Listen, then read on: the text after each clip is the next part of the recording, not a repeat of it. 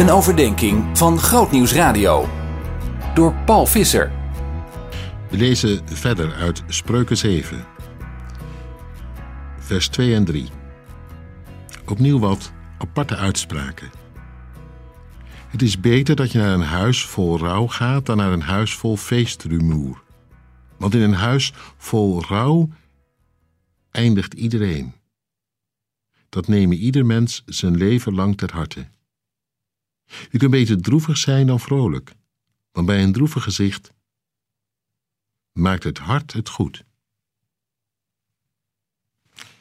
Tja, nou ja, het zal wel kloppen, maar het klinkt toch een beetje vreemd, vind je niet? Wie gaat er nou liever naar een begrafenis dan naar een feest? Ik eerlijk gezegd niet gelijk. En trouwens, met een mooi goed feest is ook niks mis. Jezus zelf ging er naartoe, naar de bruiloft in Cana, en zorgde voor de wijn toen die op was, in overvloed. Toch, die prediker is niet gek. Hij ziet daar mensen feesten, mooi, fijn, plezierig. Hij misgunt het ze ook niet. Hij zegt ook niet het is verkeerd. Hij zegt maar ik weet iets wat toch beter is. Of in ieder geval op de langere duur meer oplevert. Zoiets bedoelt hij, denk ik. Want laten we eerlijk zijn: een feest, leuk, gezellig, plezierig. En dan ga je naar huis en valt als een blok in slaap. Prima. En nu een begrafenis. Tuurlijk, die kan ook compleet langs je heen gaan, maar het kan zomaar gebeuren als je zo geconfronteerd wordt met de dood en in het oosten kon je er moeilijk uh, langs heen kijken. Je deed allemaal dan mee, je was erbij betrokken. Tot bij de graflegging toe.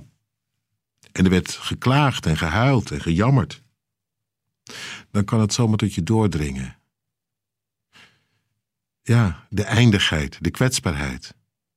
En dan ben je nog zo sterk en stoer en gezond. Er komt toch een dag dat het gedaan is met jou, dat het je vergaat als die die nu ter aarde wordt besteld.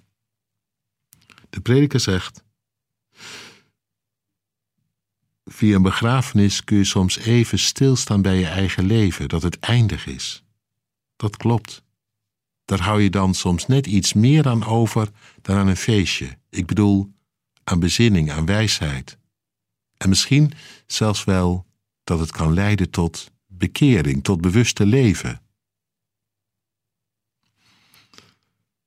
Eenmaal in die modus ook nog die andere zin. Je kunt beter droevig zijn dan vrolijk, want bij een droevig gezicht maakt het hart het goed. Nou, ik ben liever niet in tranen. Ik maak liever plezier. En toch, ik weet ook uit mijn leven dat daar waar het leven tegen zat en je toch in tranen kwam, bij een droevig hart, ik meer ontving dan in het plezier wat ik op andere momenten beleefde. En nu denk ik even aan Paulus. Hoe die zong in Romeinen 8. En hij had het over honger en naaktheid en gevaar en zwaard en gevangenissen, allemaal ellende. Maar in dit alles, en dan begint het ineens te juichen, te jubelen, te zingen, meer dan overwinnaars, door Hem die ons heeft liefgehad. Hij beseft het meer dan ooit wat hij had in God, in Christus. Ja, ik ga nu ietsje verder dan de prediker, maar zou de prediker dit ook niet hebben bedoeld? Dat je juist door het verdriet soms heen komt bij de uh, kern van je leven, liever gezegd nog bij de liefde van Gods hart? Nou ja, als je het zo hoort en ziet, dan zeg je: het is waar wat die prediker zegt.